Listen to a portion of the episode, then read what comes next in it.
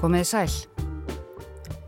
Í fyrra ljast kona á miðjum aldri úr sjúkdómi á landsbytalan. Svo sem ekkert frétt nefnt í því, þannig séð, nema þetta var einungis sjöunda staðfesta tilfelli þessa sjúkdóms á Íslandi frá upphafi. Þetta er mjög, mjög óhugnarlega sjúkdómur, það er ekki spurning vegna þess að fólk tapar sinni vitrænu getu, en það náttúrulega gildir um aðra sjúkdóma sem valda sömu einkennum, mm -hmm. en það sem er óhugnarlegt líka er hvað það gengur hratt fyrir sig og, maður, og ég hef upplifað það að sjá einkenni breytast jafnvel frá degi til dags. Þetta er Elias Ólafsson, hann er taugalæknir og hefur á sínum 33 árum sem slíkur ímist synd þessum örfáu tilfellum sem hafa greinst eða komið að umönnun þeirra á einhvern hátt.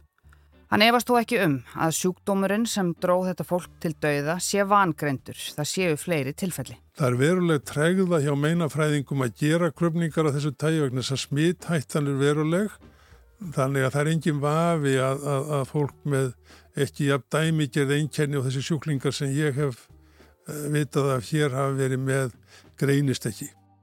Sjúkdómurinn dregur alla sem fá hann til dauða á mjög stuttum tíma. Þetta er príonsjúkdómur. Aðrir príonsjúkdómar eru riða, kinda eða kúariða með kátisís, kúrú eða hláturdauðin og nokkri fleiri miður skemmtilegir. Ég heiti Sunna Valgerðardóttir og Kreutzfeldt Jakob sjúkdómurinn, CJD, verður á dagskráni í þetta helst í dag. Kreutzfeldt Jakob sjúkdómur byrtist sem viðglöp, fyrst og fremst. Og líkist þá bara Alzheimer sjúkdómi og öðrun sjúkdómum sjálfgefari sem líka valda viðglöpum. Eh, þetta er mjög sjálfgefi sjúkdómur, er ólíkur til dæmis Alzheimer að þýleiti til að hann gengur mikið hraðar fyrir sig og fólk deyr gjarnan á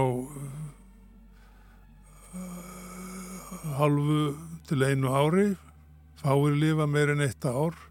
En það sem einkenni sjúkdómi kannski sérstaklega og setur hann svona á, ákveðin stall er að það eru dæmigerðar breytingar sem sjást í heila viðkomandi til dæmis við krupningu. Og þetta er fröðkend heila skemmt eða eitthvað svo leiðis? Já, sko það verður að deyja taugafrumur í heilanum og, og myndast bara horrum í það í heilanum þannig að þetta lítur út eins og svampur til að sjá kannski og þess vegna verður talað um af einsku spongiform eða fröðkjent á íslensku þannig að mjög snemma á síðustu höld var ljóst að þetta var sérstakur sjúkdómur bæði útlitið og hvaðan gekk rætt fyrir sig þó einkenninu veru svipuð og við aðra sjúkdóma sem valda vitglöpum og kæmi rauninni á svipuðum aldri þar að segja sent á æfinni, gætan milli 60 og 70 ára. Algenga einkenni eru, eru minnisleysi í byrjun, einbeitingarleysi, nú sumir fá geðræn einkenni meira eins og kvíða og jafnvel þunglindi og þá er jafnvel talið í upphafi um, um, um geðsjútdómsíðaræða. Síðan þegar líður á og það skeður gætna hratt í þessum sjútdómi á vikum til mánuðum, jafnvel dögum eins og ég nefndi, að önnur einkenni koma fram uh, eins og mingaður kraftur, eins og stjórnleysi og útlimur sem er gætnan áberandi. Stundum til einföldunar skiptum við heilanum upp í nokkur kerfi þar sem við myndum vera með reyfi kerfi og skinn kerfi og samhæfingu á, á heilanum, minni, mál og sjón og það sem gildir um þessa sjúdóma eins og Kreutzfeldt Jakob að, að, að öll þessi kerfi, þetta hefur áhrif á öll þessi kerfi mismunandi mikið. Mm -hmm heilanum, þannig að þetta veldur trublun og allri heilastarseminni en, en mismunandi mikið. Stundum getur að vera stjórnleysi stundum getur að vera fyrst og fremst samhæfing hreyfinga kemur fram í einkennum frá litla heilanum og samhæfingunni. Stjórnleys og hreyfing getur fyrsta einkennið mm. geðræn einkenni getur verið fyrstu með kvíða og þunglindi Árið 2008 byrtist yfirgrips mikil fræðigrein í læknablaðinu byggð á áratuga rannsóknum Vísindamennir voru að leita svara við því hvort riða í söðfjö geti smitast í menn og valdið CJD eins og gerðist í Breitlandi með kýrnar en meira um það á eftir. Greinin er tilenguð minningu Gunnars heitinn Skvumundssonar taugasjúkdómalæknis en hann átti frumkvæðið að rannsókninni á Kreutzfeldt Jakob en lést áður en verkinu lauk. Aðrir höfundargreinarinnar eru Guðmundur Georgsson, sérfræðingur í líffæra meinafræði og viðmalandi dagsins, Elias Ólafsson, sérfræðingur í taugasjúkdómafræði. Það sem gerir Króitsveld Jakob sérstakann er að það blasir við þegar ansókn á heilanum að þannig er eitthvað annað á ferðinni og það sem gerir þetta náttúrulega, þetta, gerir þetta ennþá sérstakara er þegar að en áttuðu sig á samlíkingunni við aðra sjútdóma með kannski svipaðan sjútdómsgang í fólki og líka í dýrum? Og, og þá kemur ekki síst reyðan til greina þar sem að það sjútdómur í söðfíðin sem við þekkjum vel hér á landi sem veldur líka hraður í hörnun á heilanum og dögakerfinu og leiðir hratt til döða Rannsóknin náði yfir 40 ár frá 1960 til 2000 og það var borið saman við faraldsfræði riðu og nesluvenjur Íslendinga. Fjögur tilfelli voru greind á þessum 40 árum. Það er um helmingi lægri tíðni en meðaltal í átján öðrum Evrópulöndum. Á sama tíma er riðan hér alveg tölu verð eins og við vitum þar sem Íslandingar hafa verið útsettir fyrir henni í 130 ár. Og vísindamennir telja því næsta víst að söðfjár riða berist ekki í menn. Það er þó ekki alveg hægt að útiloka það. En skoðum aðeins þessi fjögur tilfelli sem greindust hér á þessum 40 árum og vísindamennir staðföstu svo síðar sem Kreutzfeldt Jakob. Tilfelli 1. 56 ára verkamaður, hraustur utan þunglindi sem hríð. Upp úr 50 fór að bera á minnisleysi, svo kom styrðleiki, magnleysi og ofskinjanir. Hann varð óvinnu fær og var læðurinn á sjúkrahús á landsbyðinni, honum versnaði hratt og var fluttur á klepp eftir einn og halvan mánuð greindur með geðklofa. Aug stegvaksandi vitglapa komu fram sjóntrublanir, vöðvakippir, skortur og samhæfingu og að lokum lágan hreyfingalös og gati ekki tjáð sig. Engin ættarsaga um geðsjúkdóma. Eftir nánari skoðun sérfræðinga var talið að um CJD hafi verið að ræða. Hann lest skömmu síðar. Tilfelli 2. 72 ára húsmóðir, borin og bartfætt í Reykjavík. Fekk gangráðum 50 og hafði verið greint með vanvirkan skjaldkirtil. Rausta öðru leiti. Svo fór að bera á minnisleysi og persónuleika breytingum. Hún svaraði spurningum út í hött, síðar fór að bera á óstöðuleika og detni. Vaksandi vitglöp fyldu, sjóntrublanir og loks var hún rúmleikjandi og gati ekki tjáð sig. Hún lérst þegar þrýr mánuður voru leðnir frá fyrstu engjannum. Tilfelli þrjú, 73 ára bondi, fættur og uppalinn á reyðu fríu svæði, góður til helsunar en um halvu ári fyrir andlátið fór hann að verða undarlegur í háttum, sljór og gleimin og átti erfitt með að tjá sig. Hann var rugglaður við innlögna á sjúkrahús. Megin einkenni voru vaksandi vitglöp, kippir í útlimum og sjóntröflanir. Þau versnuðu hratt og sjúklingurinn endaði rúmlíkjandi og án þess að geta tjáð sig. Hann lést tæpu hálfu ári eftir upphaf einkenna. Tilfelli fjögur. Sjötug Reykjavísk húsmóður. Heilsurhaust alla tíð. Ári fyrir andlátið fór að bera á óöryggi í stöðu og við göngu. Hún byrjaði að riða. Orkuleysi fyldi, hún varði að hætta störfum eftir fjóra mánuði og laðist á spítala tveimur mánuðum síðar. Þá var hún mjög stíf með handskjálta en svo komu vitglöp með áberandi framheilaskaða einkennum. Einkennin versnuður hratt og síðasta mánuðin sem hún lifiði lág hún að mestu hreyfingalös og gati ekki tjáð sig. En frá aldamótum hafa einungis þrjú tilfelli greinst hér 2022, 2020 og 2006. Öll létust fljótlega eftir greiningu og samtals eru því einungis sjö staðfært tilfelli á Íslandi. Síðan kemur til kúrúsjúkdómurinn sem við erum ekki búin að nefna en, en er vel þekktur. Það byrjaði með skjálta. Sjúklingurinn fór að nötra í útlimum og höfði, fyrst bara lítið. Magaverkur fyldi. Þegar á leið eftir nokkrar vikur var skjáltin orðin slíkur að sjúklingurinn gæti ekki lengur gengið og varla staðið á skjálfandi fótunum, reð ekki við einföldustu störf með titrandi höndum, gæti ekki gert sig skiljanlegan með tali. Það var þá sem hláturinn bættist við enginnin.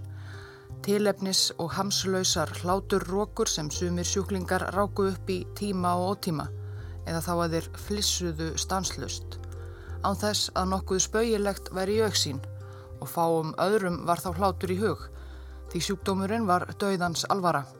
Þegar á leið og endalókin nálguðust urðu sjúklingarnir ófærir um að borða og sinna öðrum grunnþörfum líkamanns. Að lókum vesluðist þeir upp og dóu en skjálfandi. Og haga sér með svipuðum hætti og það er smitleiðin þekkt, þar að segja að... að Eina hefð hafði fórifólkið til að mynda næri algjörlega lagt af skömmu eftir að fyrsta kvítafólkið kom á sjötta áratögnum þegar það sá hversu mikla andstigð svo hefðu virtist vekja hjá aðkomumfólkinu. Fórifólkið var nær alveg hægt að stunda mannátt. Hér er fengina láni Kúru þáttur veru Ílúadóttur frá 2017 og helstið mælir með hlustun. Að ákveðin ættflokkar á nýju kínefu hafa þann síð að, að fjölskyldan borðar einhvern hluta heila þeirra sem eru látnir. Kúru er príonsjúkdómur eins og Kreutzfeldt Jakob. Í rauninni virðist hann ekki vera smittandi. Ekki einu sinni ef að... E, en, Já, en, hann virðist ekki vera smittandi, en, að, að, hérna, en þegar ég segja hann virðist ekki vera smittandi, að það virðist ekki vera herri tíðni að sjúkdónum hjá ættingum þeirra sem eru með sjúkdóminn til dæmis eins og maður notar sem mælikvarða á smið, það er smittandi sjúkdómur þá maður vorna á að, að aðrir í fjölskyldunni smittis líka. Það verðist ekki gera með Kreutzfeldt Jakob svo við vitum allavega. Mm -hmm. en þetta er kannski ekki svo einfalt vegna þess að þessi líku sjúkdómar eins og við erum búin að nefna riðu að, að það er sjúkdómur sem greinlega smittast þannig þannig erum við með hennan Kreutzfeldt Jakob, Kreutzfeldt Jakob sjúkdóm það er enginn í fjölskyldunni sem er með sjúkdómin það er ekkert sem bendir að séu erðir það er enginn í umhverfinu sem er með sjúkdómin þannig það bendir ekki til að sé smitt en þá kemur þetta stóra en akkur líkist en þá svo mikið sjúkdómum bæði mannum og dýrum sem eru sannlega smittandi. Og eins og þetta sé ekki nægilega dularfullt þá eru til fleiri afbreyði af Kreutzfeldt Jakob. Þið síðara greindist fyrst í Breitlandi og var frábröðið að því leitinu til að hann lagðist á yngra fólk og svo veriðist sem orsökinn sé kunn. Það verður faraldur á kúarið og það var talið að, að sá sjúkdómur í fyrsta lagi er það líkist, líkjast bæði einkennin hjá dýrónum og eins breytingarna sem verði í heilanum mjög mikið þessum öðrum sjúkdómum sem við kallum núna príjón sjúkdóma Fyrstu kýrnar greindust í Breitlandi 1986. Þær byrjuði að haga sér eins og reyðusjúkar kindur. Sjúkdómurinn fjekkið miður skemmtilega nafn Mad Cow Disease í ljósi þess hvernig kýrnar höguðu sér. Vitglöp, vöðvakippir og svo leiðis. Tveimur árum síðar höfðu hátt í 500 breskir nautgripir greinst og svo hófst fárið fyrir alvöru. Brettar bönnuðu ákveðnar tegundur nautakjöts til manneldis meðal annars mænu og heila Bandaríkinn bönnuðu innflutning á beljum, kindum og fleiri búfinaði frá Breitlandi en svo kom breska ríkistjórnin og fullirti að kúariðan gæti ekki smittast í menn. Þó að heimiliskettir varu vissulega að drepast eftir að hafa getið kattamatt og nautakjöti. Það er engin hætta. 1993 hafðu 120.000 kýr verið greindar með reyðuna og brettar hertu reglurnar enn frekar. Fleiri hlutar nautsins voru ekki ætlaðir til manneldis. John Major, fósættisráður að Breitland, sæði í dag að ekkert var í aðtúavert við brestu nautakjött og engin myndi býða að því skada að leggja sér kjötið til munns.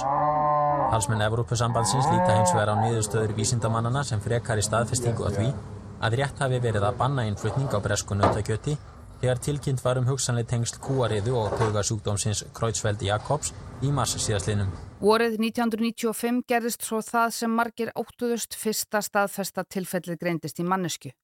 Það var Stephen Churchill, 19 ára, hann var einn af þremur bretum sem dó úr variant Kreutzfeldt Jakob disease það ár. We know that a similar disease occurs in humans, but it must be stressed that there is no scientific proof that the human disease is caused by the same agent as causes the bovine disease, the disease in cows. There's no need for any more action. And because the action has been taken, there's no need for the European Union to panic and change its views. We have taken the action. Engar áhyggjur, segja ráðamenn, við höfum gert það sem þarf, það eru engin tengst þarna á milli, ekki örvænta, ekki hætta að borða nautakjött. En árið síðar viður kentu bresk stjórnvöldi fyrsta sinn að kúariðan væri raunverulega ókn fyrir mannfólkið. Ungir brettar heldu áfram að smittast og deyja, hátt í 5 miljónum nautgrippa var slátrað. Þetta var yngra fólk sem fekk sjúkdóminn, gætnan innan við 30 og hann gekk ekki alveg að pratt fyrir sig. En hann greinlega tengist eh, kúariðunni. Fregnir bárust af tvítur í grænmetisætu, Peter Hall, sem lést af sjúkdómnum eftir að hafa smittast af hambúrgara sem hann borðaði sem barn. Og þetta hafi enn frekari afleðingar, kúabændur, frömdur sjálfsvík í stórum stíl. Sumartölur segja að það hafi verið alltaf þrýr á viku sem bundu enda á lífsitt. Sumarið 97 voru 21 staðfest tilfelli af variant Kreutzfeldt Jakob og mun fleiri óstaðfest. Allsherjar útflutningsbann á bresku nautakjöti og tengdum aförðum tók gildi og var ekki aflétt fyrir en þremur og hálfu ári síðar. En þetta breytist út. Tilfelli kúariðu greindust í Japan, Bandaríkjónum og Kanada og fólk dó úr variant Kreutzfeldt Jakob. Í dag eru skráð um 230 tilfelli frá 1996 langflest í Breitlandi. Allt eru þetta príonsjúkdómar, reyða í dýrum, kúru, króitsfeld Jakob og afbreyðið. Það séur einn eitt prótein í heilanum að þegar að mismið myndast í þessu próteini þá fylgir því sá einleiki að þessi prótein og þessari tegund fara klumpast saman í klumpa eða fláka sem vaksi jamt og þétt. Eins og kristallar. Eins og kristallar, nákvæmlega og, og, og drepi heilafrömmundan og skadi heilan og raunni sé sjúkdómurinn. Muni eftir þessu stóra eni sem Elias myndist á varandi smittleiðir Kreutzfeldt Jakob. Hann er ekki smittandi en hann getur nefnilega smittast. Að hann smittaðist greinilega í fólki sem fekk uh, sjónhimnu grætta í augað hjá sér og augað er jú hluti að mittöðkerfinu síðan komi ljósa að þetta getur smittast í fleiri svipaðar aðgerðir á heila til dæmis þegar grætur er bútur í, í heila himnuna sem stundum er gert ef að leki er á mænuvöku eftir heila aðgerðir eða slís og, og fleiri sambærilega smittleðir. Þannig þetta flækti myndina svolítið, þannig að greinilega verist hann smittast við ákveðnar aðstæður. Telur þú að þessi sjúkdómur sé vangreindur á Íslandi? Sko, bara við hefum ekki gleyma því að, að það sem einkenni sjúkdómið fyrst og fremst og leiði til greiningar er hversu hratt einkenni ganga fyrir sig. Tíðnin af þessum sjúkdómi er uh, cirka 1 per 2 miljónir lifaðra ára íslensku þjóðarinnar, ef það er yfirfært í það. Það sem að hefur sérst í öðrum löndum er að þeirra byrjaður að fylgjast sérstaklega með tíðninni, svo gert þar á Breitlandsegjum út af þessu nýja afbreyði af sjúkdómnum sem kom í kjölfar kúariðunar að um leið og byrja var að fylgjast mjög virt með fjölda þessara tilfella í Breitlandi að þá fjölgaði líka tilfellunum um helminga af þessu sporadísku tilfellum mm -hmm. og ekki væri verið að, að leita þeim í rauninni mm -hmm. og, og það er mikla líkur á því að, að nákvæmlega sama sé upp á teiningnum hér og allstaðar annar staðar að það sé hluti tilfella sem greinist aldrei sem slík Líkillina greiningunni þó að vísbendingin kom í einkennunum og sett að stýðast við rannsóknir á mænuvöku að hluta til og heilareit að hluta til að þá er endanleg greining sett með síni úr heila. Sínið er yfirleitt þá fengið við krupningu en það er til í dæminu að gera sér aðgerð. Það er veruleg tregða hjá meinafræðingum að gera krupningar á þessu tæju vegna þess að smithættan er veruleg þannig að það er engin vafi að, að, að fólk með ekki að dæmi gerð einkenni og þessi sjúklingar sem ég hef uh, vitað að hér hafi verið með greinist ekki. Við vitum það að meðgöngutímin er langur og það hefur greinilega komið í ljóð sérstaklega um þessa, uh, þetta form sem hefur smitast við læknisfræðilegar aðgerðir. Að það voru oft vitað nákvæmlega hvenar viðkomandi aðgerð var gerð og það hefur leiðið alltaf 30 árum þá til fólk fær, fær sjúkdóminn.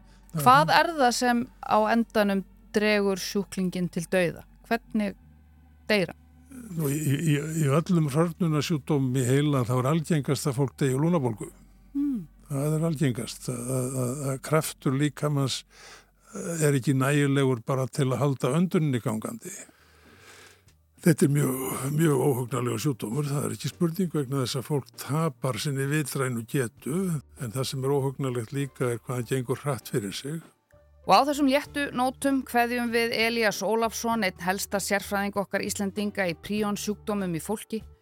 Vorandi hefur þetta ekki sömu áhrif á ykkur og sömu að lækna nema sem fá margir öll einkenni sjúkdómana sem þeir eru að læra um. Því þó að Kreutzfeldt Jakob sé vangreindu sjúkdómur þá er hann samt sem áður alveg afskaplega sjálfgefur, sem betur fer. Ég heiti Sunna Valgerðardóttir og príón sjúkdómatnir dularfullu voru helst í dag. Takk fyrir að leggja við hlustir og við heyrumst aftur á morgun.